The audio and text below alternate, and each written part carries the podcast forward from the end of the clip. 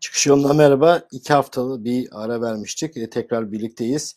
E, Ekrem Bey, e, Mehmet Eymür'le başlayacağız. Mehmet Eymür, e, T24'ten Gökçer Tayıncıoğlu'na e, birkaç gün sonra röportaj vermişti. Çok şey konuşuldu. İşkence faslı konuşuldu. Mehmet Ağar, Hanife Avcı, Doğu Perinçek, ajanlığı vesairesi. Önemli bir ayrıntı da vardı. E, basındaki mitçiler, istihbarattaki, e, istihbarat elemanları basındaki bu e, bugün bununla konuşarak başlayalım. E, biraz tartışmalar oldu ama diğer konular kadar da ses getirmedi açıkçası. İşte Lübe Ayar Fatih Altaylı yaşadığı anekdotları anlattı. E, şimdi MIT'in gazetecisi denince, MIT'çi gazeteci denince sizin aklınızda ne canlanıyor? Şimdi insanlar şöyle düşünüyorlar ya bu istihbarat kuruluşu tabii ki her yere sızacak, her yerde olacak. Bu çok normal gibi bakanlar var.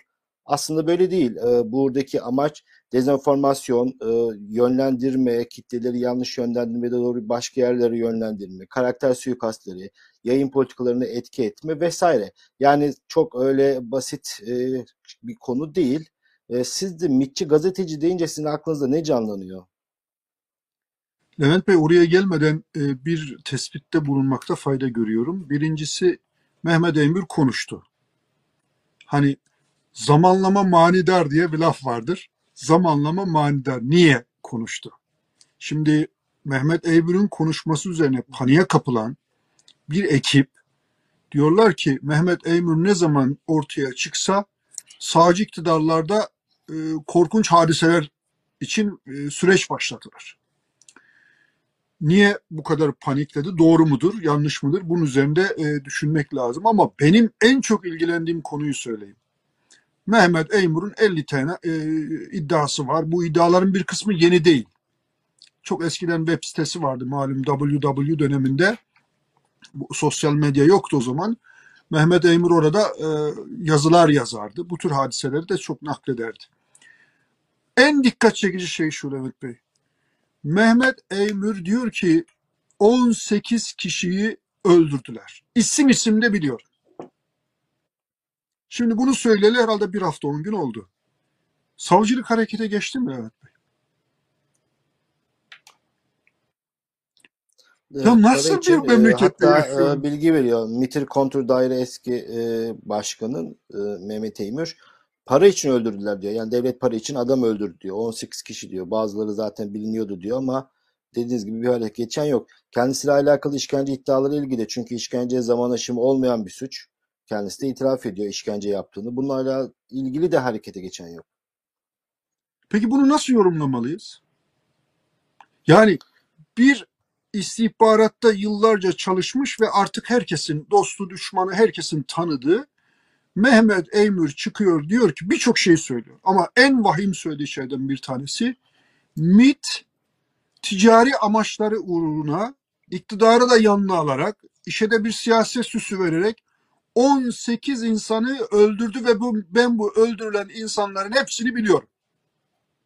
Ya bu memlekette savcı yok mu? Bir dakika arkadaş bu çok büyük bir iddia. Gel bakalım. İşkence yaptım diyor. Çok güzel söylüyorsun. Ya bir Allah'ın kulu yok mu yani? Gel bakalım buraya kardeşim. İşkence insanlık suçudur. Sen bu işkenceleri hangi şartlarda ne şekilde yaptın? Peki eğer dokunulmuyorsa yani Mehmet Eymür tarihi itiraflar yapıyor ve dokunulmuyorsa. Bunun anlamı ne olabilir? Önce bu soruya cevap verelim ki Mehmet Eymür'den başlayan süreci doğru okuyabilelim. Şimdi Sizin benim e, kanaatim, cevabınız nedir? Kendisi dokunulmayacağından emin olarak mı konuşuyor sizce? Bence şu an rejim neyse, rejimin içerisindeki derinlik neyse Mehmet Mehmet Eymür'e konuş diyor Levent Bey. Sebebi ne olabilir? En temel sebeplerinden birisi şu. Bir, iki sebep söyleyeyim. Bir, bir korku atmosferi. Hani şeyin de suç örgütü, organize suç örgütü lideri Sedat Peker'in de çok söylediği bir şey var. Diyor ki bizi bir korku iklimi, bir korku atmosferi oluşturmak için kullandılar diyor. Beni de kullandılar, Sadat'ı da, Sedat'ı da, Sadat'ı da kullandılar diyor. Ve bununla ilgili somut örnekler veriyor. İktidar halk arasında özellikle muhalif olan, kendine muhalif olan kitleleri korkutmak için bazı operasyonlar yapar. Nitekim Serhat e, Peker bunu yaptıktan sonra da hakkında açılan dava, hakkında açılan soruşturma daha doğrusu ne olmuştu? Bir takipsizlik kararıyla örtbas edilmişti. Şimdi Mehmet Eymur bunları söylüyor ve bir şey yapılmıyorsa bir korku iklimi oluşturulmak üzere Mehmet Eymür'e konuş deniyor. Levent Bey bu bu çok önemli bir ayrıntı. Yani bir şöyle düşün bunu sadece böyle düşünmeyelim. Yılların gazetecisi 40 yıllık gazeteci diye bilinen Mehmet Barlas da çıkıyor. Muhaliflerin hapsedilmesini teklif ediyor. Sınır dışı edilmesini teklif ediyor. Milletvekillerinin düşürülmesi konuşuluyor. Şimdi bir CHP'nin yandan. CHP'nin evet bir gün sabah kalkarsınız CHP kapatılmış olur diyor. Bir yandan CHP'ye, İyi Parti'ye ve diğer partilere, muhaliflere gözdağı veriliyor. Hem de en tepeden. Bizzat Erdoğan'ın ve video izletmeleriyle, cümleleriyle, tehditleriyle bir atmosfer oluşturuluyor. Bir yandan da eski işkenceci, işkenceci olduğunda itiraf eden, kontur gerilla olduğunu, efendim devletin içinde derin bir yapının önemli bir çarkında önemli bir görev yaptığını söyleyen yılların Mehmet Eymür'ü de duruyor duruyor turnayı gözünden vuruyor adeta ve diyor ki iş, ikinci şey sebebi söyleyeyim. Şu an yapılan işkenceleri de meşrulaştırmaya çalışıyor. Mehmet Bey bu çok önemli. Şu an Türkiye'de devlet memurları, polisler, bazı polisler diyelim, bazı mitçiler, bazı askerler çok açık bir şekilde suç işliyor. İnsanlara işkence yaparak, insanlara itirafçı olmaya zorlayıp hayal mahsulü hikayeler uydurarak. Şimdi onların yaptıkları da toplumda şöyle ya da böyle duyuluyor. İster bazı kahraman milletvekilleri bunu çıkıyor, söylüyor, o vesileyle duyuluyor. İster bazı insanlar yurt dışına işkenceden sonra çıkıyor, kendileri anlatıyorlar. İsterse dünyanın değişik yerlerindeki insan hakları örgütleri bununla ilgili detaylı bilgiler veriyor ve ortaya çıkıyor. Mehmet Eymür bir yönüyle de halihazırdaki işkencecileri meşrulaştırıyor. Bunun mantığını anlatıyor. Devlet konuşturmak ister, e, insan konuşursa konuşur, konuşmazsa başka yollar denenir. Ben şu Ekrem Bey, ana ben kadar e, savcıların sizin hareket e, etmemesini anlattıklarınızdan ben sizin anlattıklarınızdan Mehmet Eymür'e sanki e, mevcut sisteme destek, rejime destek veren bir çıkış yaptığını anlıyorum ama Mehmet Eymür'ün e, geçmişte de söylediklerine bakarsanız mesela 15 Temmuz'la alakalı bunu bir MİT operasyonu olduğunu ima eden e, çok net sözleri var. 90'lardan daha beter durumdayız diyor.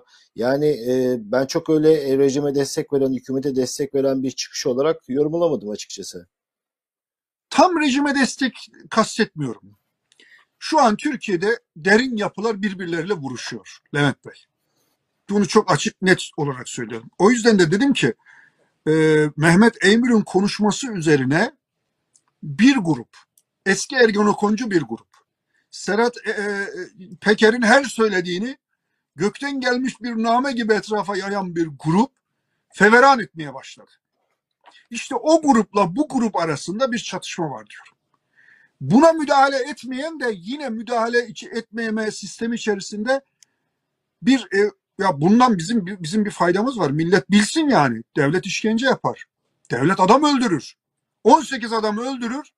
Dönüp arkasına bile bakmaz. Bunu herkes bilsin. Şeyinde böyle e, avantajını kullanan bir yapı olduğunu söylüyorum. Ben yoksa Mehmet Eymür'ün zembereğini bugünkü iktidar kuruyor o da konuşuyor gibi söylemiyorum. Derin devlet yapılanmalar arasında Erdoğan sonrasına dair bir kavga var. Erdoğan şu an Abbas Yolcu rolünde. İster sağlığı açısından, ister mantalitesi açısından, ister yaptığı icraatlar açısından, ister ekonominin yerle bir olması açısından, ister Erdoğan'a karşı duyulan antipatinin bir tiksintiye dönüşmesi açısından. Böyle bir atmosferde derin yapılar birbirlerine girmiş durumda. Bunları da koruyan yargıda ayaklar var. Emniyette ayaklar var. Efendim savcılıkta ayaklar var. Ve isteniyor ki bu tartışma devam etsin. Buradan fiili bir kazanç var. Nedir o kazanç? Muhalif insana deniyor ki öldürülebilirsin, işkenceye maruz kalabilirsin, en küçük zerre miktar bile hakkını savunacak bir malzemen yoktur kardeşim diyor. Bu bunu böyle anlıyorum. Yoksa Levent Bey 18 adamı öldürdük veya 18 adamı bizim teşkilattakiler öldürdü diyen bir adama bir savcı gel bakalım hemşerim şu söylediklerini şu isimleri yaz buraya. Öldürenleri de yaz buraya. Tarihi de yaz buraya. Tanıklık yap demez mi? Ben ben başka bir şey daha sorayım mı Levent Bey? Şimdi bu da Mehmet Eymür'e soruyoruz. Eğer namuslu bir adamsa. Şimdi diyelim ki sen Mehmet Eymür 18 insanın öldürüldüğünü biliyorsun. Peki sen Ergunokon Ergunokon davasında Zekeriya Öze, savcı Zekeriya Öze gidip ifade verdiğinde neden söylemedin bu 18 insanın öldürüldüğünü? Şimdi Eymür o sizin bahsettiğiniz o internet döneminde atin.org diye bir sitesi vardı. Buna benzer iddiaları isimler vererek daha önce de açıkladı. Yani e, belki kamuoyuna tekrar e, gündeme geldi ama o kendi sitesinde birçoğu yazdığı şeyler. O zaman Washington'da yaşıyordu, Amerika'daydı uzun bir süre. Tekrar e, İstanbul'a döndü. E, karşı tarafta diyor ki Mehmet Eymür'ün Ergenekon e, iddianamesine çok katkısı oldu. Hatta gizli tanıklık yaptığında iddia eden var. Ama e, sizin söylediklerinizden bu bilgileri paylaşmadığını anlıyoruz. Ben daha açık söyleyeyim mi? Mehmet Eymür Ergonokon'un başlatıcısı da değil, destekleyicisi de değil, sulandırıcısıdır. Çok açık ve net söylüyorum. Polis memuru Bayram Özbek'ten aldığı, çaldığı diyeceğim hatta. İstanbul Emniyetinden çaldığı, bir flash diskle çaldığı belgeleri Mehmet Eymür gayet iyi biliyor Levent Bey. Mehmet o belgelerde? Ergonokon davasının bütün iddianamesi var. Daha henüz yargıya taşınmamış. Adliyeye adliyeye taşınmamış. Soruşturma safhasında, araştırma safhasındaki dosyaları şimdilerde itirafçılık yapan bir polis memuru vasıtasıyla alan sonra bunu sulandıran adamdır Mehmet Eymür. Neden yapmıştır? Çünkü Mehmet Eymür'ün de kalbinde bir korku olduğunu düşünüyorum. Öyle zannediyorum. Derin çünkü Ergonokon e, belki ismiyle bir daraltılmış bir şeyden bahsediyoruz. Aslında o dava bir derin devletle hesaplaşma, bir derin devletle yüzleşme, devletin devlet kılıfına girerek, devlet kisvesi altında demokrasi dışı ve hukuk dışı icraatlar yapan kadroların, derin yapıların içinde uyuşturucu olan, içinde insan kaçakçılığı olan, içinde her türlü antidemokratik e, atmosfer oluşturma ve psikoloji hazırlama operasyonlar olan bir şeyi ortaya çıkaracaktı. Bundan korkan benim anladığımı söylüyorum. Ben kendi yorumumu söylüyorum. Ama net bilgiyi söyleyeyim. Daha önce bir yerde gördüğümü bilmiyorum. Ama bunu bilenler biliyor, gazeteciler biliyor. Belki ellerinde net bir dosya olmadığı için söylemiyorlar. Ama emniyetteki bir polis memuruyla Ergonokon nereye gidiyor? Ucu gelip bize dayanır mı? Bizi de gözaltına alırlar mı? Bizim bildiğimiz dosyalarda açılır mı korkusuyla Ergonokon dosyasını önceden emniyetten çalan, alan demiyorum. Sonra gidip Zekeriya Öz'e bilgi veren ama aslında gerekli bilgileri vermeyen. Çok açık söylüyorum. 18 tane insan öldürüldü diyorsun. Niye bunu Zekeriya Öz'e söylemiyorsun? Şu an eğer hadiseyi böyle küçük parçalarında boğulmayalım. Büyük fotoğraftaki hadise şu. Derin devlet içinde büyük bir hesaplaşma görülüyor. Herkes elindeki kartları azar azar, yavaş yavaş atarak Erdoğan sonrasında yerini pekiştirmek istiyor. Buna aracı olan ister o safta ister bu safta iş adamları var, gazeteciler var, politikacılar var. Ekrem Bey şimdi zamanlaması manidar dediğiniz bir röportaj ya da açıklamalarda e, kendisini işkence yaptığını yani kendisini de zaman aşı olmayan bir suçtan başını belaya sokacak bilgileri neden versin? Yani e, çok kafasındaki o gizli gündemle ilgili kodları söyler. İşkence vesaire fasını yok. Hiç hayatımda işkence yapmadım der geçer. Hani Sedat Peker de bazı itiraflarda bulunuyor ama Sedat Peker yurt dışında. E, zamanlaması manidar belli bir amaca mahsus verilen verdiğini söylediğiniz röportajda kendisinin suçlarını niye anlatsın? Şöyle e, bir kendisine dokunulmayacağı sözü almış olmalı. Bak şu kadar zaman geçti. E, bir soruşturma yok. Bütün gazeteler bununla inliyor mu? İnliyor. Bütün medya, sosyal medya bununla inliyor mu? inlemiyor mu? Ziver Bey'de işkence görenler. Vaktiyle e, orada Hanife Avcı'nın da adını söylüyor. Hanife Avcı hakkında da bir soruşturma yok. Hanife Avcı'da ne yaptıysam devletim için yaptım modunda. Onun için de işkence suçu geçerli. Burada için daha önce defalarca gündeme gelmişti. Hayır, bu sefer şey yapıyor ya, yanılmıyorsam yani evet ya, yapmışsak biz devletimiz için yaptık havasıyla Mehmet Eymür'ü yalanlamıyor. Eymür tanık olduğu şeyleri söylüyor. Kürtleri birbirine vurdurdu, solcuları birbirine vurdurdu, birbirine kırdırdı, işkenceler yaptı falan filan gibi laflar ediyor. Bunlar normalde insanlar bunu böyle bir etik bir konu zannediyor Levent Bey. Bu hukuki bir konu. Büyük bir suç var ortada. Büyük bir suçlama var. Hiçbir şey olmasa öyle otomatik olarak savcılığın devreye girmesi lazım. Girmiyor. Benim gördüğüm bir bir garanti alınmış da bu kadar rahat konuşuluyor. İkincisi devlet işkence yapar. Devlet insanı öldürür. Bu geçmişte de olmuştur fikriyle, düşüncesiyle insanların özellikle muhalif insanların kalplerine korku saçılıyor. Nereden biliyoruz? Zamanlama açısından söylüyorum.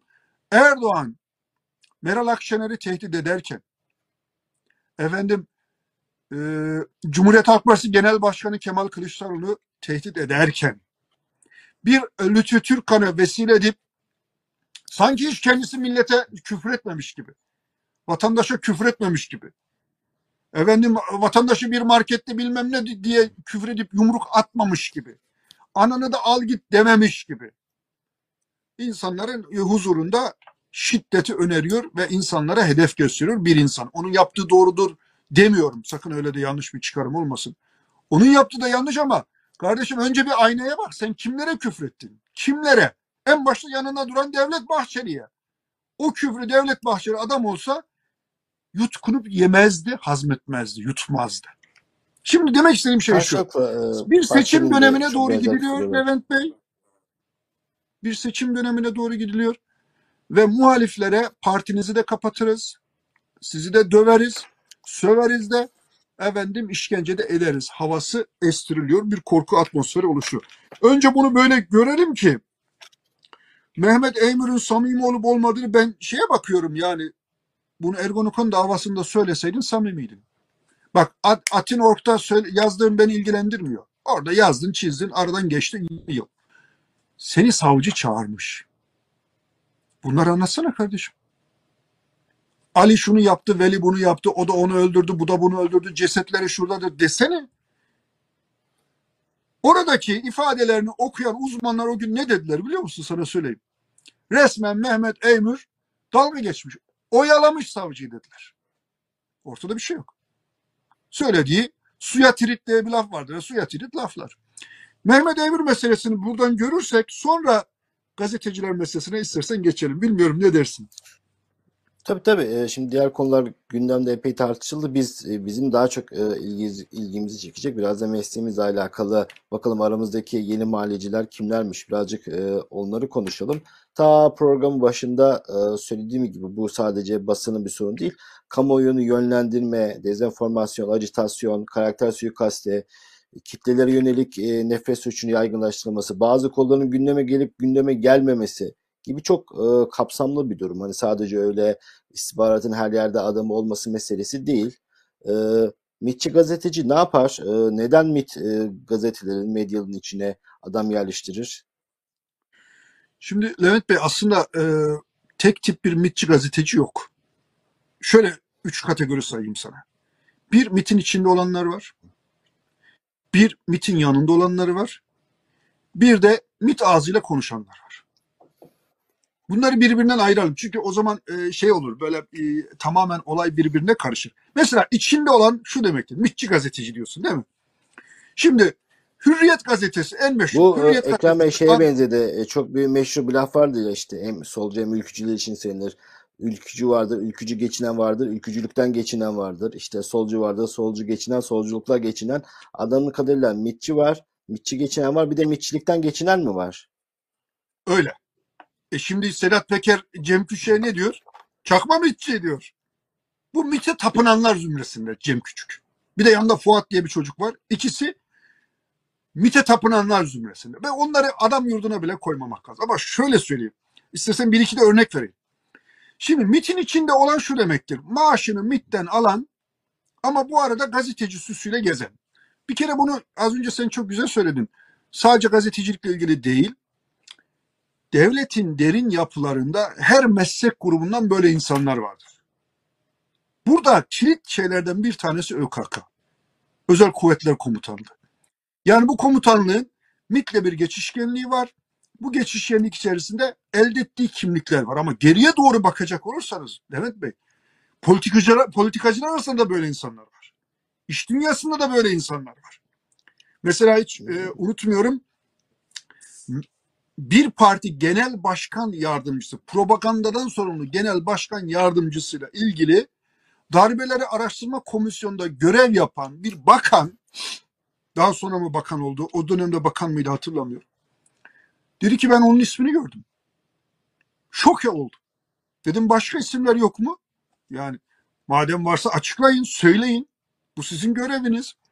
MIT dedi bizi oyaladı, oyaladı, oyaladı raporları göndermedi. Özel Harp Dairesi de adı verilen bir yapı halkın her kesiminden insanları istihbarat elemanı gibi kullanıyor. Bak İstanbul'da bir esnafın Herhalde başına gelen eski bir. Milli Eğitim Bakanı bakan Milli Eğitim Bakanlığı da yapmış eski bir bakandan bahsediyorsunuz diye e, tahmin ediyorum. 28 Şubat'ı araştırma komisyonu alakalı bilgilerini aktarırken herhalde e, MİT'e angajı çalışan kişilerin isimlerini mi görmüşler? Milli Eğitim Bakanı değildi benim bahsettiğim bakan. Ee, hani şimdi başına bir iş açılmasın diye söylemiyorum. Ee, Milli Eğitim Bakanı değildi. Başka bir bakan. Ha, doğru bir, bir dönemde Milli Eğitim Bakanı. Kısa bir dönemde Milli Eğitim Bakanı. Doğru. Ha, şimdi hatırladım. Evet. Ama e, daha önce başka bakanlıklar yaptı. Daha onu düşündüğümüz zaman başka bakanlıklar daha çok akla gelir. Şimdi e, Levent Bey bu çok uzun bir konu da hani e, özel harp dairesine girdiğimiz zaman MIT'ten çok uzaklaşırız diye korkuyorum. Ama özel harp dairesi dediğimiz şeyi biliyorsun. Soğuk savaş döneminde herhangi bir ülke işgali senaryosuna karşı devletin aldığı NATO çerçevesinde tedbirler var. Sonra soğuk savaş bittikten sonra bunlar legalize oluyorlar, tasfiye ediliyorlar ama Türkiye bunu tasfiye etmiyor ve derin bir alternatif olarak hep elinin altında tutuyor. Buna ergonokon dersin, başka bir şey dersin, ne dersen de. Ama e, zurnanın zırt dediği yer de orasıydı. Hani kozmik odaya girildi, girildi. Kozmik oda buydu. Kozmik odaya girildi dendi aslında girilmediği ortaya çıktı.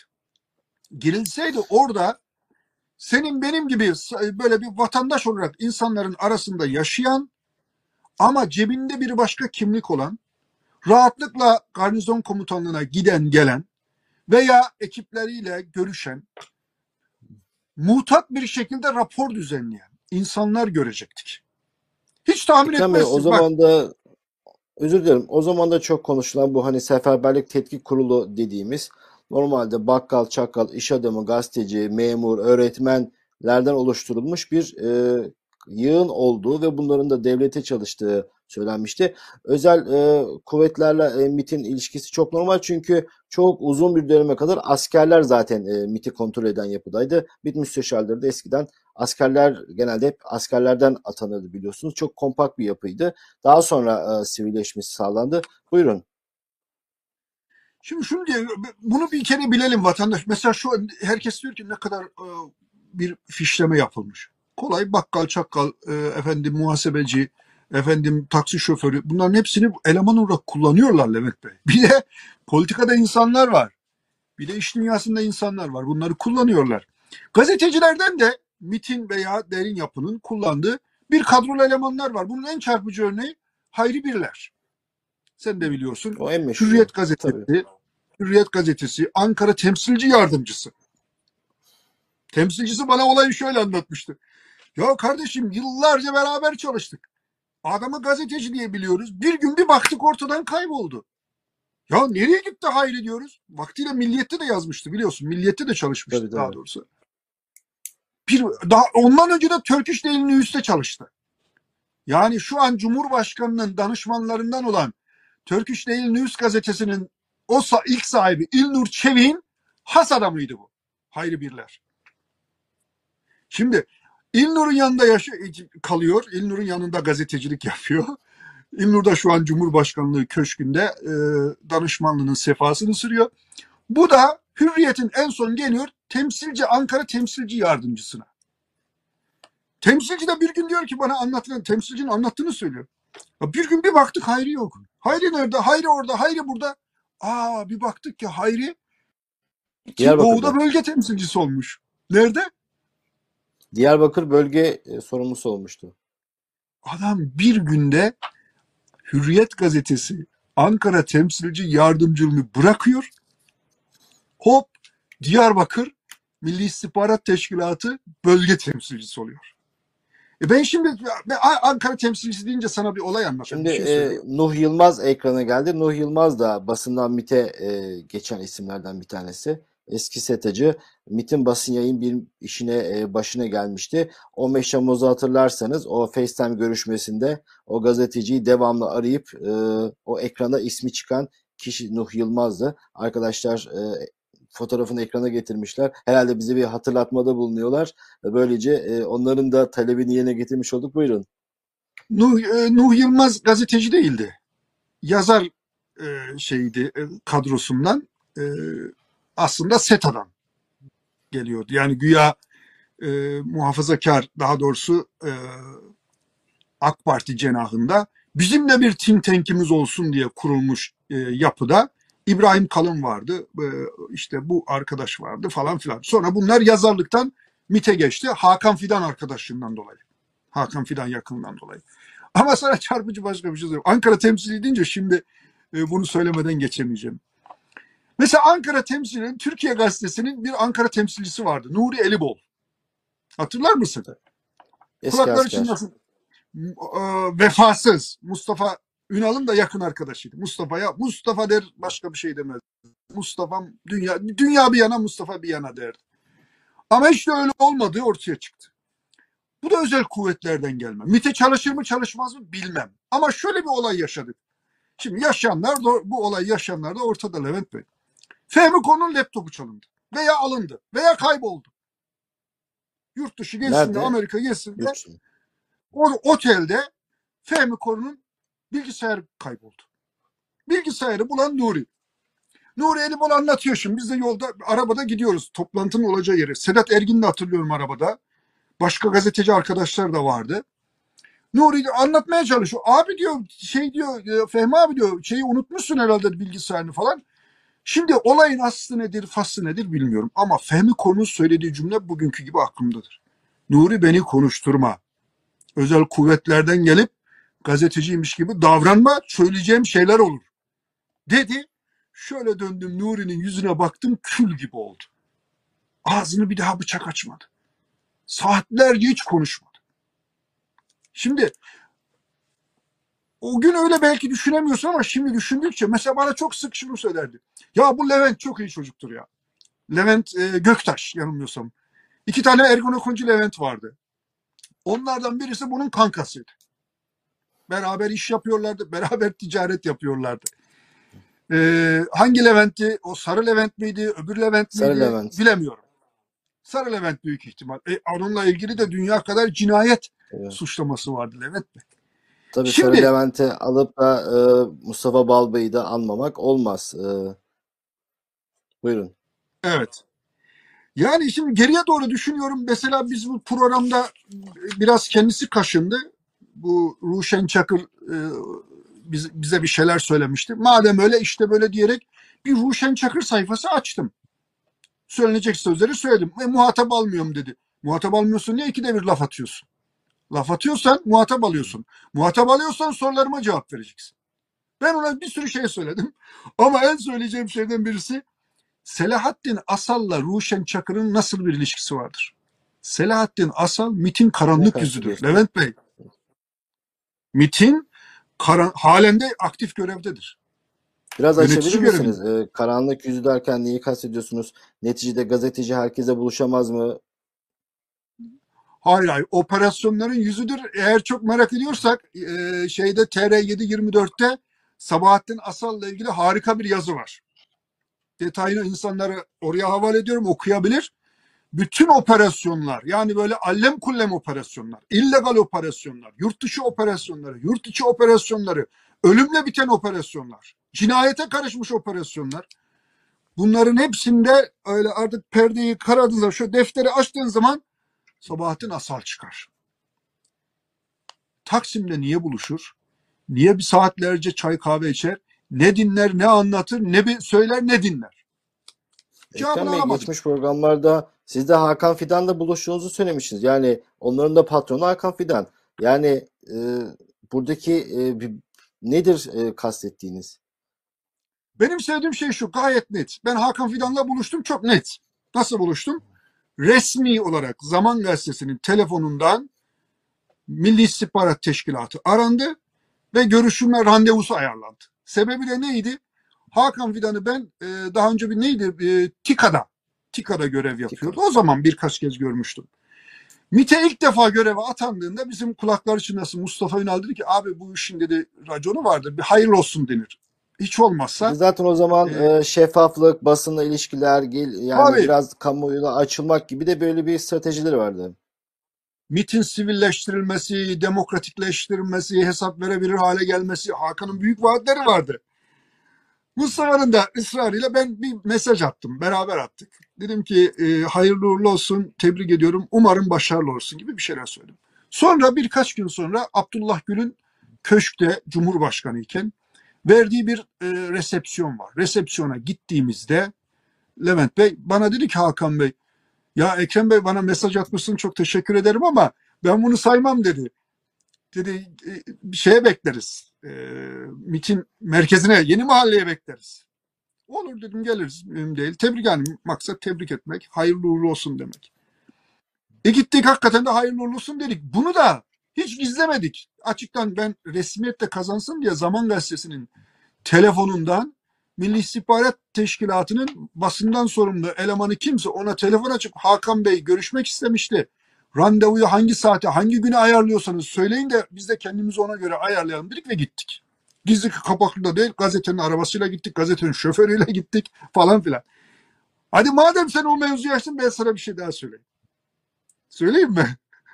Şimdi o görüşmede çok ilginç gelen bana bir şey söyledi. Ben hani dedim ya MIT'in içinde olanlar var, yanında olanlar var, bir de MIT'in ağzını kullananlar var. Bunları ben ayrı ayrı da örneklendirebilirim. Ama bunun dışında bir şey daha var Levent Bey. Bir de yabancı ajanlarla çalışıldığı iddia eden gazeteciler var. Bak mesela bunlardan birisi öyle midir değil midir bilmiyorum. Ama devletin mantığındaki yerini söylüyorum. Bunlardan birisi Hüsnü Mahalli'dir. Hüsnü Mahalli'ye Türkiye'de devlet bu Suriye'nin ajanı diye bakmıştır yıllar boyu. Öyle midir değil midir bilmiyorum. Adam da kalkıp da bana Suriye ajanı dedin demez. Ama şu çok şu örneği herkes bilir.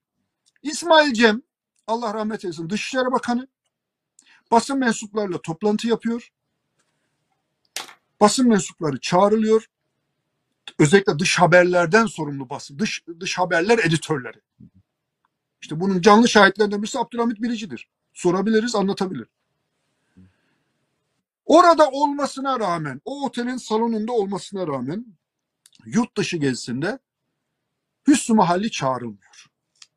Orada gazeteciler davetli miydi Hüsnü. Mahalli? Nasıl? Davetli olarak mı gelmişti yurt dışında? Bakanın davetiyle O, mi yurt e, dışına gelmişti? Zannetmiyorum. Çünkü olayı takip etmek için bakanlığın davetlisi olmak gerekmiyor. Siz de dışarıdan gelip orada olay yerinde incelemeler yapıp, görüşmeler yapıp haberler yapabiliyorsunuz. Yani öyle bir ha giden da, da bakanlığın E, davetlisi olarak gidebiliyor. Gi- gi- gi- Gitmeyen de öyle davetle gitmeyen de dışarıdan müdahale edip gelip o salonlarda anladım, bulunabiliyor. anladım. Ya onun için bir şeye gerek yok. Diyorlar ki gazeteci efendim Hüsnü Bey dışarıda kaldı. Arkadaşlar yazılmamak üzere söylüyorum. Bu arkadaşla ilgili Türkiye Cumhuriyeti Devleti'nin bir endişesi var. Diyor ve Suriye ile ilgili e, endişesini dile getiriyor. Şimdi hatta Ertuğrul Özkök beni e, efendim savcılar dinlemiş falan filan diye e, çünkü savcılar çağırıyorlar Ertuğrul Bey'i. Belki vakit olsaydı bir de Ertuğrul Özkök konuşurduk. Ama e, Kronos'ta çok güzel bir portre yazarı var. Ya her yazdığı yazıya bayılıyorum. Çok güzel şeyler yazıyor. Ee, o yazmış Ertuğrul Bey. Dileyen oradan da okuyabilir. Ama benim ona katacağım çok şey var. Çok söyleyeceğim var ama Onu e, programımızı daha başka bir fasılda. başka bir başka bir fasıl yapalım. Ertuğrul Bey de Hüsnü Mahalli ile konuşurken dinlenmeye takılıyor. Neden? Çünkü devlet öyle ya da böyle, haklı ya da haksız bu Suriye'nin ajanıdır diye bakıyor. Ben sana yani nereden buraya aklıma geldi? Hakan Fidan'la yaptığımız görüşmede bu yurt dışı ajanlığı meselesinde çok ürpertici, çarpıcı bir şey söyledi bana. Oda TV ile ilgili yani çok şaşırdım. Bilmiyorum paylaşayım mı, paylaşmayayım mı, inkar ederler mi, etmezler mi biraz da şey yapıyorum. Bana dedi ki Soner Yalçın İsrail ajanıdır.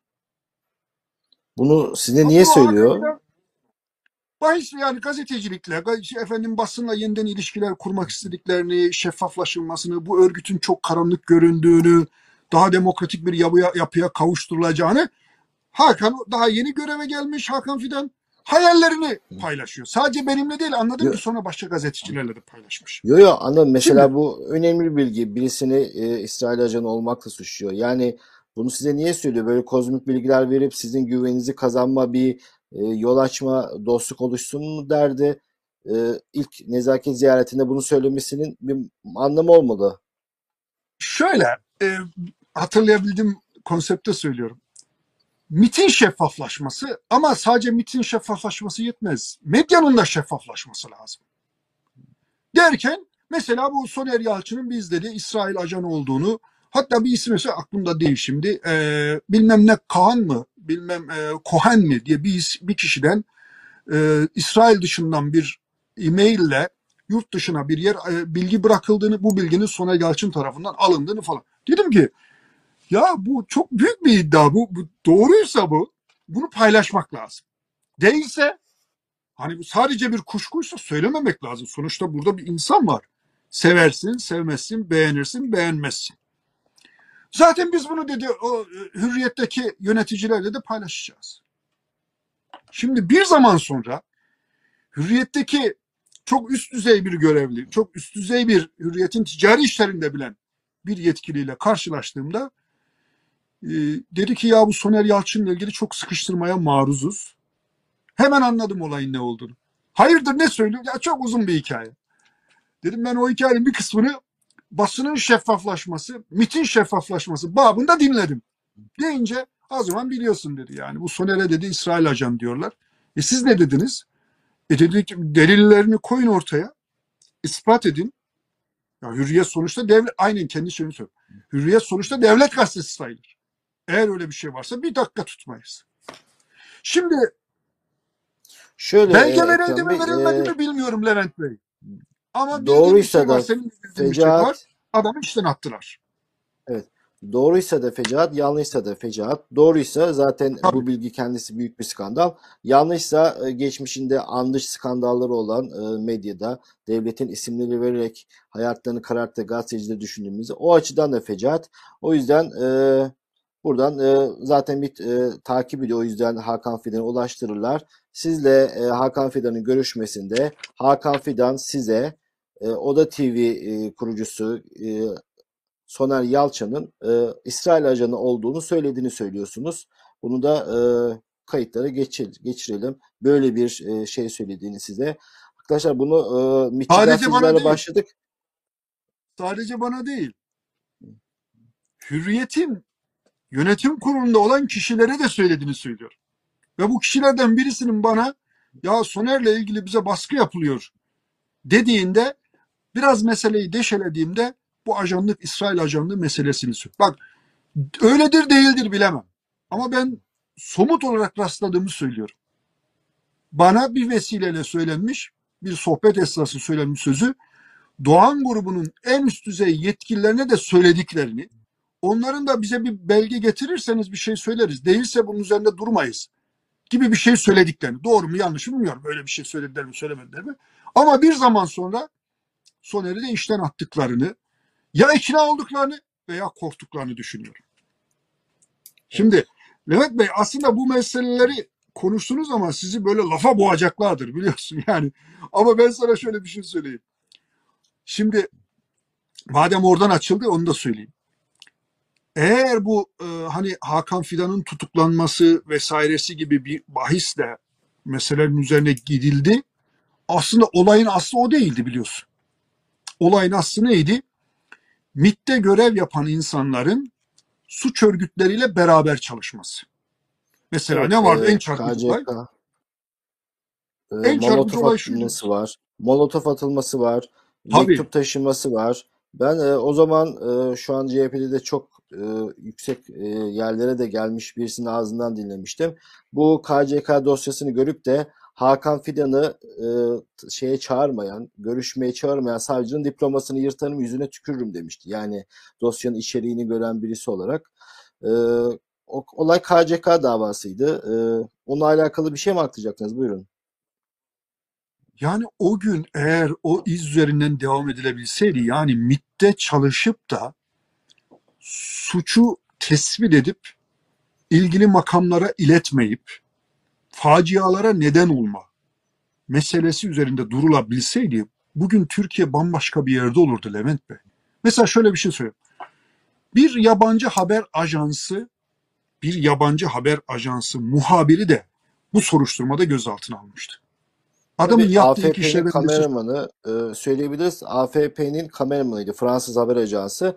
Ona da Kuzey Irak ve Güneydoğu'da özellikle Kürtlerle temasa geçmesi, onlarla ilgili bilgi taşıması görevi verilmişti. Hatta bildiğim kadarıyla kim Taraf tarafından? Bunu e, MİT tarafından MİT tarafından. tabii. Yani AFP bir yani adam yabancı Fransız haber ajansının kameramanı MİT ajanıydı. Fransız değil ama Türk o. Türkiye Cumhuriyeti vatandaşı. Türk. Tabii e, Türkiye Cumhuriyeti vatandaşı. Aynı şahsın daha sonra Abdurrahman Dilipak'ın şoförlüğünü yapıp arabasıyla bir yere götürmesi, getirmesi ve çantasını taşımasına ne demek lazım? Aynı kişi e, AFP kameramanı daha sonra Dilipak'ın şoförü mü olmuş? Yani arabasıyla bilmiyorum resmi şoförü müdür? Arabasıyla oraya buraya getirmesini, götürmesini, çantasını taşımasını, efendim Abdurrah, e, Abdurrahman Dilipak'ın bu işlerde nasıl payının olduğunu ne demek lazım? Bunları bunları şu an için konuşmak zor. Neye benzetiyorum ben burayı biliyor musun Levent Bey? Doğu Almanya ile Batı Almanya o duvar yıkıldıktan sonra birleşince hatırlar mısın o günleri? Doğu Almanya istihbaratı anında o bütün evrakları yakmaya teşebbüs etti. Bilmiyorum hatırlıyor musun? Tabii tabii. Hatta bir kısmını da yaktı.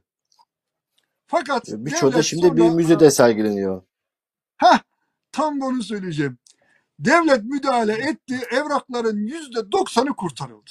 Kurtarıldıktan sonra evraklara bakanlar şaşırıp kaldılar. Dediler ki ya bu Doğu Almanya'da çok muteber, saygın insanlar e, istihbarat elemanı olarak çalışmışlar. Hatta Evet. ve hatta çünkü bu tür kapalı rejimler, baskıcı rejimler, efendim işkenceyi meşru gören rejimler, adam kaçırmayı meşru gören rejimler, muhbirler ordusu oluşturur Levent Bey. Şimdi o yetkililer ellerine muhbirler listesini aldılar bir baktılar ki aman Allah'ım adam kardeşini ihbar etmiş. Çalışanını ihbar etmiş. Çalışan patronunu ihbar etmiş. Eşi karısını, karısı kocasını ihbar etmiş. Uzun zaman şunu tartıştılar Levent Bey. Ya bunu yayınlayalım mı? Halka public hale getirelim mi getirmeyelim mi? Halk bunu görsün mü görmesin mi? En sonunda dediler ki ya bu tamam tarihe mal olmuş bir olaydır. Bir istihbarat, bir muhbirler ordusu kuran devlet bununla yüzleşmek zorundadır. Şu an Almanya'da bunun bir müzesi var. Bunun bir kurumu var daha doğrusu müzesi değil. Müzesi de var da esas kurumu var. Siz diyelim ki Doğu Almanya'da 3 sene hapis yapmışsınız. Sebebini de bilmiyorsunuz. Gidiyorsunuz buraya dilekçe veriyorsunuz. Diyorsunuz ki ben neden tutuklandığıma dair dosyamı görmek istiyorum. Levent Bey size çıkarıp dosyalarınızı gösteriyor. O dosyaları göstermeden sonra kaç aile yıkıldı? Kaç insan kanlı bıçaklı oldu? Kaç insan birbirine küstü biliyor musun? Çünkü neden? Ekrem Bey, e, FETÖ saçmalığında da benzer muhbirlik sisteminin olduğunu e, çok yakın zamanda hatırlıyoruz. İnsanların, akrabalarının korkudan e, ihbar ettiğini, kavga edilip boşanmak isteyenin e, ihbarda bulunduğunu, korkanın şirketin el konulacağından şey yapanın ortağını ihbar ettiğini. Bunu yaşadık yani. Çok çok geçmişe gitmeye de gerek yok. Gelecekten bahsediyorum ama ben. Gelecekte bu muhbir devleti, muhaberat devleti bittiğinde, bu süreç bittiğinde dosyalar açılacak, gazeteci maskesi düşecek, iş adamı maskesi düşecek, efendim politikacı maskesi düşecek ve diyecekler ki insanlara yuh olsun senin kalıbına. Sen adi bir muhbirmişsin ya, muhabir değil misin? Adi bir muhbirmişsin. Ama Siz böyle bugün bir şey olacağına inanıyor musunuz? katiyen inanıyorum. Bir gün Türkiye Yani o binlerce e, devlet çalışan iş adamı, gazeteci, öğretmen bunlar bir gün ortaya çıkacak diyorsunuz yani. kesinlikle çıkmak zorunda. Türkiye'de demokrasi eğer bir gün dönecekse böyle dönecek. Neden dönecek? Çıkmak Şey değil. zorundasını anlıyorum. Çıkacak mı sizce? çıkacak diye güveniyorum. Evet. Belki biz görürüz, belki görmeyiz. Ama bir muhaberat devleti kurduysan bir gün eninde sonunda bakılacak denecek ki bu gazeteci kılıklı adamlar kime çalışıyormuş? Efendim bu patron kılıklı adamlar sermayeyi kimden almış? Bu avukat kılıklı adamlar, bu hakim kılıklı adamlar kime hizmet ediyormuş? Bununla yüzleşme. Şimdi ne oluyor? Bu bilgiler net olmayınca el yordamıyla sorular soruyoruz. Mesela şunu sana sormak istiyorum. 28 Şubat'ın en muktedir, en operasyonel elemanlarından birisi dediğim zaman aklına kim gelir? Hangi meslek Halen grubunda? sabahta çalışan birisi diyeyim. Hala sabahta mı? Ben e, sabahtan ayrıl- ayrılan bir ismi söyleyecektim. Söyle. E, Şu an Halk TV'de vesairede o şey diyorsunuz herhalde. e, Yaşı da bizden büyük e, duayen kabul edeceğimiz gazetecilerden birisini söylüyorsunuz. Ali Kırca ile bir dönem çalışmış. O, o, o şahsı mı Yok kastediyorsunuz? kastı ama onu da düşünmek lazım. Hı. Yani aileden mitçi olan Ayşenur Hanım'ı söylüyorsun. O- Evet. Onu mu söylüyorsun? Yanında Mahmut Evet, kastetmiştim. söylüyorsun. Çünkü şimdi de, öyle miler yani içinde miler yanında mılar onun ağzıyla mı konuşuyor bilmiyorum ama bildiğim bir şey var. 28 Şubat süreci içerisinde kasetleri Ali Kırca'ya taşıyan Mahmut Övür'le Ayşenur Aslan'dır. Bunları nereden aldınız size kim verdi diye sorulamadı. Ama ben daha başka bir şey söyleyecektim. Buyurun. Erzak Şafak nerede Levent'ciğim? Yani varlığı yokluğu belli değil ama Sabah gazetesi herhalde genel Hayır. yönetmeni diye hala görünüyor herhalde. Olur mu öyle şey? Yani sen 28 Şubat'ta AK Parti'nin güya mağdur edildiği 28 Şubat'ta operasyon olarak görev yapacaksın. Sonra Sabah gazetesi o partinin güdümüne girecek. Damadın kardeşi hatta Ertuğrul Özkök'ün kovdurulmasının onun rolü olduğu söyleniyor şu an. Damadın kardeşi bütün medyaya hakim olacak. Ama bir kişinin yeri asla değişmeyecek. Bu kişilerin sonradan gelen genç mitçilerle bak adrese teslim söylüyorum. Sonradan gelen mitçi, e, MİT'in genç temsilcileriyle gidip çok briefing aldıkları. O daha eski abileri gibi çok e, kurnaz değiller. Onlar çok sırıtıyor böyle e, su üstünde dolaşıyorlar. Çok becerebildiklerini zannetmiyorum onların. E, Erdal abilerini de alıp gidip MİT'ten briefing almalarına ne diyorsun? Hani 28 Şubatçıydı bunlar. 28 Şubat'ta muhafazakar insanları linç etmişlerdi. Yani böyle bir 28 uzantı Şubat'ta var. muhafazakarlara e, karşı politika geliştirdi. AKP çoğu, çoğuyla dost oldu. Yani bunu Perinçe'yi de sayabiliriz. Birçok kimsenin sayabiliriz. Bunların her birinde siz aslında ipleri tutan gücün aynı güç olduğunu e, iddia ediyorsunuz anladığım kadarıyla. Evet. Eninde sonunda bir e, derin bir yapının bir koluna çıkıyor diyorum. Tek bir kolundan bahsetmiyorum. Bir koluna çıkıyor.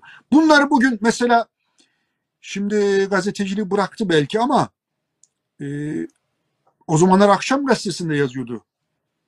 Ergonokon davasında çağrıldı, ifadesi alındı, sonra serbest bırakıldı. Gülay Kömürcü konuşsa bu ilişkilerin çoğunu bilir. E, çok yakında e, aynı evde kaldığı, sonra herhalde evlendi, evlendiği ÖKK'lı rütbeli bir asker. İstihbaratçı bir askerdi. Gülay Hanım bunları tabii çok alıngandır şimdi duyunca o öfke şeyine de kapılabilir ama Tabii e, kimseyi de zan altında bırakmadan söylemek lazım ama bilgi sahibi olduğunu söylüyorsunuz. ya Levent Bey aklımızda yüzlerce soru işareti var diyorum. Yani insanlara bunu soramıyorsun, söyleyemiyorsun. Neden? Çünkü o kadar gizlilik içerisinde bu e, belgeler saklanıyor ki bir gün bir gün Türkiye'nin içindeki o demir perde ülkelerini andıran gizli duvar yıkılırsa, Berlin duvarı, Türkiye'nin Berlin duvarı yıkılırsa, Türkiye şeffaf bir devlet olursa, hiç olmazsa 20 sene 20 sene öncesine dair belgeler açılırsa kimin gerçek gazeteci, kimin operasyonel güce hizmet eden MIT'in içinde ya da yanında bazen içinde ve yanında olmadığı halde MIT'in ağzıyla konuşan onun da bir şey ayrıntısını söyle. Bu nedir diye soracaksın belki. Bir de MIT'in şöyle kullandığı adamlar olduğunu düşünüyorum Levent Bey. Doğrudan kendisinin elemanı değil. Maaşını vermiyor. Arada sırada destekleyici bilgiler karşılığında kullanmıyor. Ama yanına öyle insanlar gönderiyor, öyle insanları haber kaynağı haline getiriyorlar ki o insanlar MIT'in borazanı haline geliyor. Fakat MIT'in borazanı haline geldiğini asla düşünmüyor. Söylediği zaman da öfkeleniyor. Ben onlardan da şüphelenirim. Yani amaçları MIT'e kadrolu elemanlık değildir ama Türk basında böyle insanlar. Nereden aldın bu bilgiyi kardeşim? Kimden aldın? Dönüp herkesin kendisini bir şekilde sorgulaması gerekiyor diye düşünüyorum. Yoksa yani Türkiye'deki kavga büyük. Bu kavgayı çözümlemek çok zor. Ta ki şeffaf bir demokrasiye ulaşacağımız ana kadar. Ekrem Bey şimdi e, yandaş basın e, diyoruz zaten MIT kontrolünü. Artık e, MIT'in hani MIT'in gazetecini konuşuyoruz ama MIT'in gazeteleri var, MIT'in televizyonları var, MIT'in kendi dizisi var. Senaryosunu yazdığı her pazar günü TRT'de yayınlanan kendi dizisi var. O yüzden o cenahtaki e, sırıtan e, çok fazla şu an için merak etmiyorum. Çünkü tek ses oradan çıkıyor. Esas benim merak ettiğim bizim muhalif olarak bildiğimiz işte Halk TV'deki Sözcü'de ya da e, isim vererek de çok şey yapmak istiyorum. Buralardaki mitçiler e, aslında beni çok daha fazla ilgilendiriyor. Siz şu an muhalif bildiğimiz hükümeti kıyasıya eleştiren ama aslında devlet memuru olan insanlar olduğuna inanıyor musunuz? Birkaçının ismi geçti gerçi buyurun. Yani şimdi şöyle muhalefet içerisinde belli ki e, ta bilmem kaç zamandan beri e, bir şekilde kullanılan insanlar var. Doğrudan kullanılan, dolaylı kullanılan, aracıyla kullanılan. Bu üç kategoriyi tekrar tekrar söylüyorum. Yani bunları da birbirine karıştırmamak lazım. Bazıları belki doğrudan maaşlı eleman değil. Ya doğrudan ya dolaylı veya aracıyla, başka bir aracıyla e, kullanılan insan. Bir de hiç belki de bunları hiç kullandırmayan insanlar da var. Onurlu insanlar yok demiyorum. Ama bazı insanların bazı şeyleri benim midemi bulandırıyor. Mesela şu an Oda TV'de yapılan yayınların bir kısmı tamamen kafa karıştırmaya, akıl karıştırmaya ve bir operasyon yapmaya yönelik. Geçen hafta mesela e, bir yeni bir genç arkadaş var. Ayşenur Hanım'ın da böyle arkadan çok çok pohpohladığı bir adam. E, neydi? Barışlar, Barış Barışları mı diyorsunuz? Terkoğlu mu? Ha. Terko. Barış Pehlivan, Barış arkadaşı- Terkoğlu. Onlar Oda TV'den e, ayrıldı biliyorsunuz. Oda TV'den ayrıldı onlar. Ama hala Nereden e, ayrı sayısı, Gazetesi nerede olsun, çalışsa televizyonlarda bir kere kafası net değil. Yani bir şöyle bir kafa var. Böyle bu İsmail Saymaz'da da var. Açtık hadi mevzuyu söyleyeyim. Yani açtık söylüyoruz. Mesela bir adamın tutuklanmamasını haber yapıyor. Bir adamın gözaltı. Aslında adam şunu diyemiyor. Ya bu tutuklamalar zaten yanlıştı. Diyeceğine ya herkesi tutukladınız bunu niye tutuklamadınız havasında. Şimdi geçen hafta tuttu mesela Tarık Toros'a bir laf söyledi. Maddi bir suçlama. Yani düşünebiliyor musun? Baylok'tan binlerce insan hapishanede bir kere hukuk saçmalı. Yani bir herhangi bir epi indirmek bak suç varsa kanun vardır. Kanun varsa suç vardır. Bu, bu bundan daha öte bir hukuki açıklama yoktur. Kardeşim baylok indirildiğinde baylok suçsa bir kanunun olması lazım. O dönemde kanun yoksa suç olması mümkün değildir. E ben sonradan bunu suç ilan ettim. Ne zaman suç ilan ettiysen o tarihten itibaren suç başlar. O yüzden bugün baylok sebebiyle hapishanelerde çürütülen insanların tamamı suçsuz yere yatmaktadır. Üstelik yani bu kadar insan hapishanede bayloktan dolayı yatacak. Baylok'un sahibi olduğu söylenen bir adam gelecek serbest bırakılacak. O zaman bu adamlar niye şeyde hapishanelerde çürüyor? Bunları da serbest bırakın. Namuslu bir adam söylemesi lazım. Bunlar da serbest. Böyle suç olmaz. Bankasıya para yatırmak da suç değildir. Çünkü suçun suç olması için kanun lazım. Kanunun da o tarihte olması lazım. Şimdi Tarık Toros da çıktı bir açıklama yaptı. Dedi ki kardeşim beni bu David bilmem neyle yani şeyin tan- e, sahibi, Baylok'un sahibi bir adamla aynı evde kaldığını söylemiş. ifadeye geçirmişsin. Şöyle e, evet, izleyeceğimiz mutlaka bizi yakından takip edenler biliyorlardır ama David Keynes dediğimiz Amerika'ya gidince vatandaş olunca ismini değiştiren Alparslan Demir adlı bir şahıs 9 Haziran'da sessiz sedasız Türkiye'ye gelmişti, tutuklanmıştı.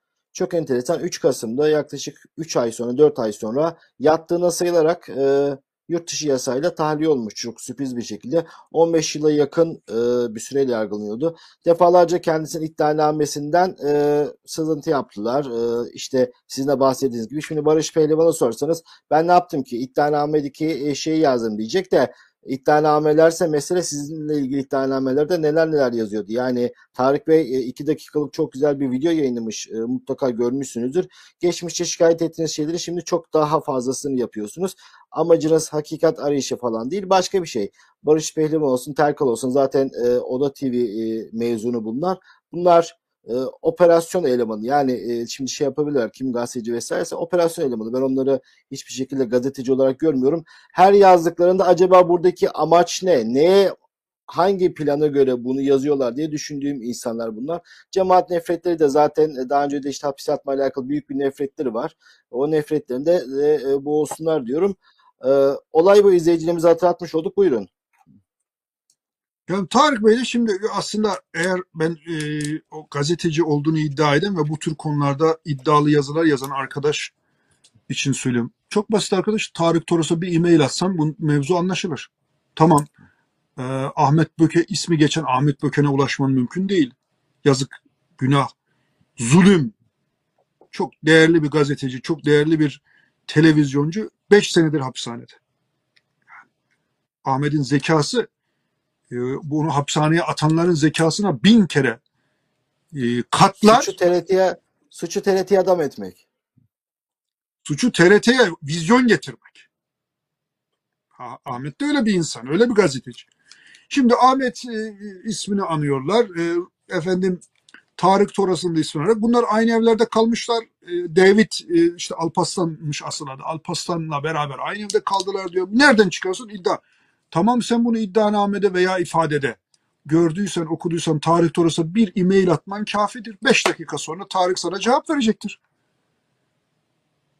Sen insanlara karaları çalıp çalıp geçiyorsun. Buna da gazetecilik diyorsun. Havan civan o alem. Ama bu Ekrem Bey namussuzluk değil mi diye sorana da cevabınız yok. Çünkü Tarık Toros'ta senin de söylediğin gibi bir video çok kısa, öz, net. Diyor ki yalan değil, kuyruklu yalan. Ben bu Alparslan'ı hayatımda hiç görmedim. Cumhurbaşkanlığında bilmem ne görevi yapan bir adam varmış. Hayatımda görmedim. Çağrı Ahmet hayat- Böke- hayatta da Ahmet Böken'i tanırım. evet, Çağrı. Ama hiç beraber aynı evde kalmadık. Kaldıysak, kalsaydım söylerdim. Değerli bir gazeteci Ahmet Böken diyor. Şimdi ne namuslu bir adama ne düşer? Özür dilemek. Hodri meydan. Yani burada Ya Ekrem Bey o kadar pişkinler ki ya bana anlatma git e, Alparslan Demir'e David Keynes anlat. O böyle ifade vermiş diye de işin içinden sıyrılabileceklerini biliyorsunuz. yalnız Levent Beyciğim burası Türkiye. Bak sana bir şey anlatayım. 14 Aralık 2014'te bizi gözaltına aldılar. Hidayet Bey'le beraber. Bir an önce Hidayet gibi dünya dünya tatlısı bir adamın, harikulade bir insanın, değerli bir dostun, iyi bir gazetecinin özgürlüğüne kavuşması için de dua ediyorum. Bu, bu vesileyle bunu söyleyeyim. Hidayet Bey'le beraber birçok insanı da hep beraber aldılar bizi gözaltına. Daha biz girdik girmeden iki gün geçmedi. Levent Bey bir serseri PKK'lı dilekçe veriyor savcılığa. Diyor ki şu şu şu eylemlerimi ben Ekrem Duman'dan emir alarak yaptım. Ya ödüm koptu abicim. Şimdi hayatta tanımam, bilmem, görmem bir alçak. Neyse ki adamın sabıkası varmış Levent Bey. Daha önce de bu tür şeylerde bulunmuş. Başka insanlarla ilgili. Savcılık ya bu çok geçerli bir şey değil. Bu adamın zaten daha önce verdiği bu tür bilgilerden dolayı mahkumiyeti var. Veya bizim avukatlar öyle deyince savcılık geri adım atıyor. Şimdi Türkiye'de sana bir şey söyleniyor. Düzeltemiyorsun ki. İşte Ekrem Bey Fenerbahçe hatırlarsın davası var. Diyarbakır Belediye Başkanı'nı ziyaret etmiştik hatırlarsınız hep beraber Beraber kalabalık bir gittik heyetle. Ne yazdılar? Ekrem Dumanlı belediye başkanı emniyet içerisindeki muhbirlerin listesini verdi. Neler neler yazmışlardı. Ya ve biz seninle beraberdik. Yanımızda da 5-6 arkadaş daha vardı. Tabii. Hiç ayrılmadık. Hiç baş başa bir şey de olmadı. Uydurdular, inandılar, iddianamelere koydular. Ne yapacağız? Olur mu böyle bir şey? Bugün Şimdi e, yarın çalış. David Keynes diyor ki iddianamede Anadolu Ajansı'nın geçtiği haber evet evlerde kaldım beni şakirtlik programına aldılar diyor. Ee, şakirtlik programı diye bir program varmış. İnsanlar şakirtlik programına giriyorlarmış. Yani bu kadar bunca yıl cemaatçiyiz hiç böyle şakirtlik programı falan e, açıkçası duymadık. Yani e, bilen bir insana vereceği bir ifade değil. Yani evlerde kalmış bir insan böyle böyle saçma e, en azından jargonu bilir. Nasıl cümleler kuracağını bilir. Yani işin ne kadar saçma olduğu, bir anlıçlama olduğu zaten Anadolu Ajansı'nın haberinde de var. Şimdi her yerde mit var dedik. bak bir İşte şey söyleyeyim. belki- Buyurun.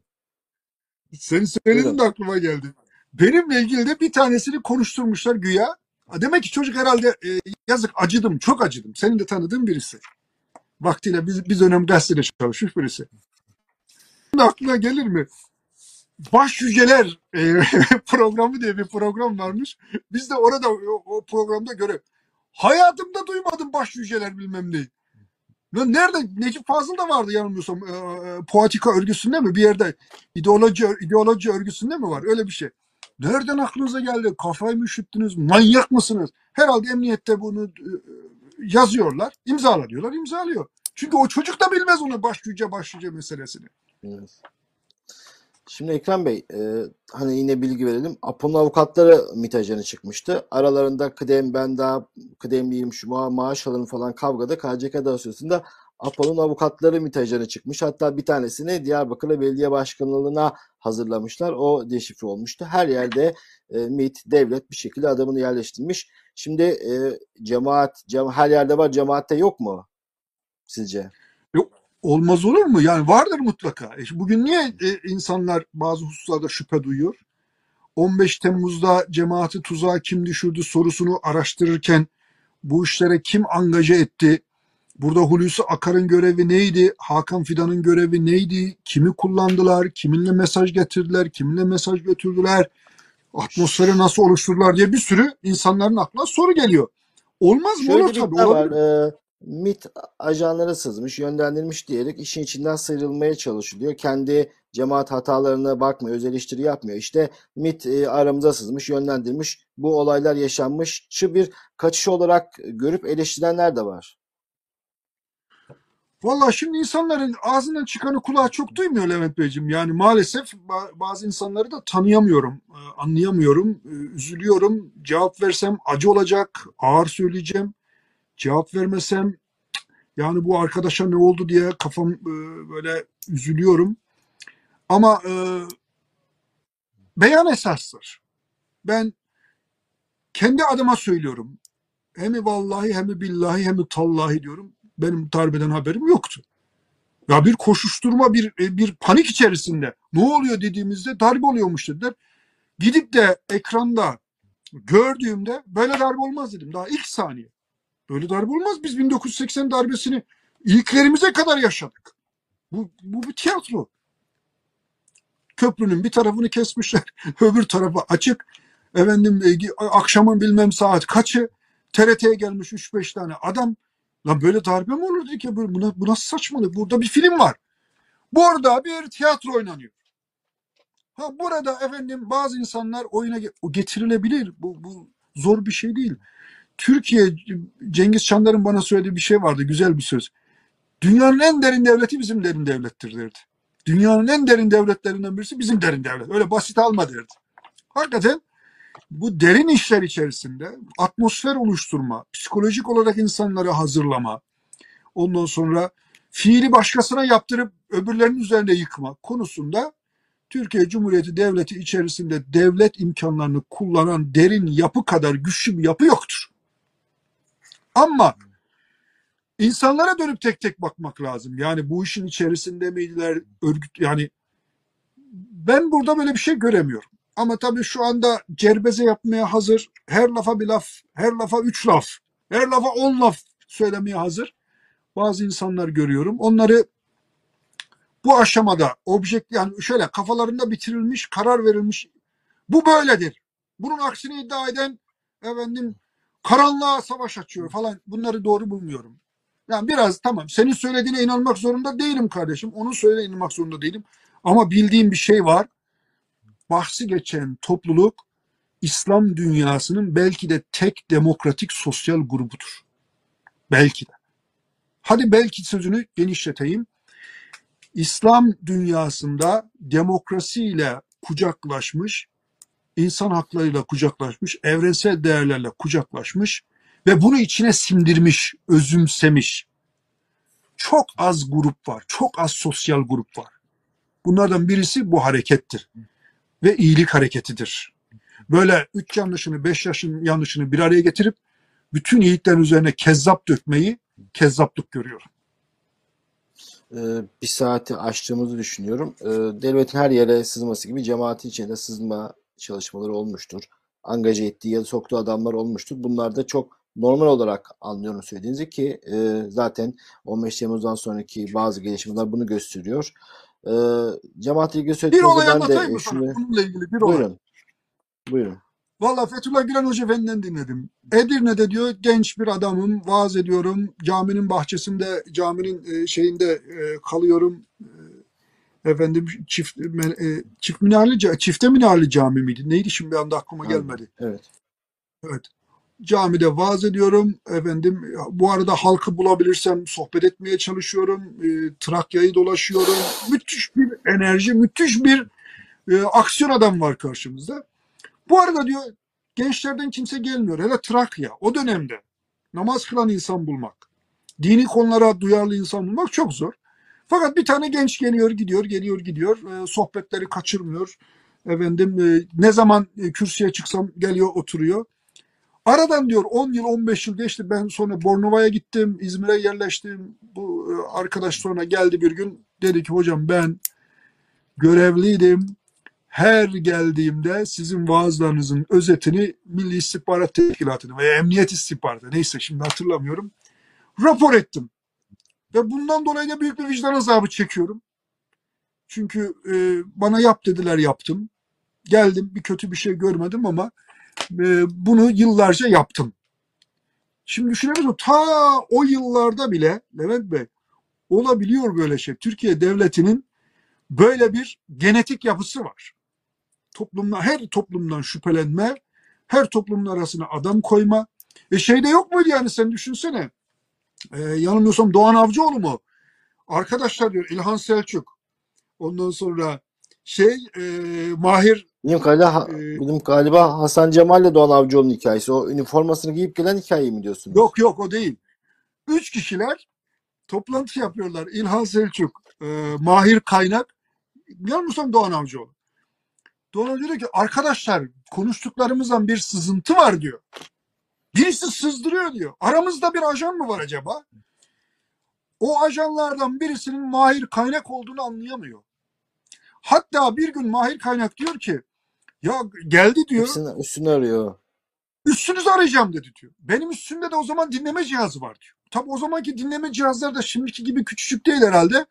Kocaman bir şey. Eyvah yakalandım dedim diyor. Fakat o sırada ani bir olay olunca aramaya ara veriliyor. Orada ondan o da ondan kurtuluyor.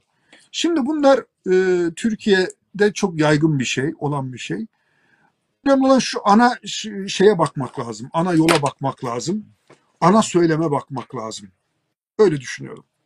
Ve biraz da sabırlı olup gerçeklerin ayan beyan ortaya çıkmasını beklemek lazım. tabii özellikle 70'lerden günümüze nereye evrildiğini hareketinde iyi incelemek lazım. Ben kendisini geliştirerek, öğrenerek, dünyayla, toplumla barışarak e, çok da güzel bir istikamete doğru e, gittiğini, bir intikaya uğradı. Ama e, bence Türkiye hala cemaatin tasfiyesini, yerini, boşluğunu dolduramadı. Cemaat e, dindarlar için bir sigortaydı. İşte bu yobazlaşmanın, radikalleşmenin önünde büyük bir engeldi. e, Kur'an sünnet çizgisinde dini tutabilme. E, bir o kadar da laikler ve e, dini konusunda eskisi diğerleri kadar hassasiyeti olmayan insanlar için de bir güvenceydi. Toplumsal barışı savunan, diyaloğu savunan, özellikle o yobaz kanadı birazcık zincirlerinde tutup tehlikeyi önleme adına bence bir paratonerdi her iki taraf için. E, ileride anlaşılacak diyelim. E, bu haftada e, bitirmiş oldum. Süremizi de epey uzattık. Ekrem Bey çok teşekkürler. İzleyicilerimiz kim bu MİT gazetecileri deyince herhalde isim duymak istemiş olabilirler. Bu konuda belki e, bir hayal kırıklığı yaşamış olabilirler. Ama e, ispatlı olmadan hiç kimse hakkında böyle iddialarda bulunmak, insanları zan altında bırakmak doğru olmazdı. Zaten e, izleyicilerimiz e, gerek muhalif cenahta gerek iktidar cenahta her dönem yeri değişmeyen, pozisyonları değişmeyen, patronlar gitse, hükümetler gitse, bürokrasi değişse bile her dönem görevde kalan insanları az çok e, tahmin ediyorlardır. İnşallah sizin dediğinizle gerçekleşir. Bir gün sağdan soldan bu devşirilen o binlerce ismi öğrenip e, belki Türkiye yakın tarihinde yeniden e, yorumlamak e, mümkün olabilir. E, sizin ağzınıza sağlık. Değerli izleyicilerimiz e, bu haftalık bizden bu kadar. Haftaya tekrar Perşembe günü görüşmek üzere. Hoşçakalın.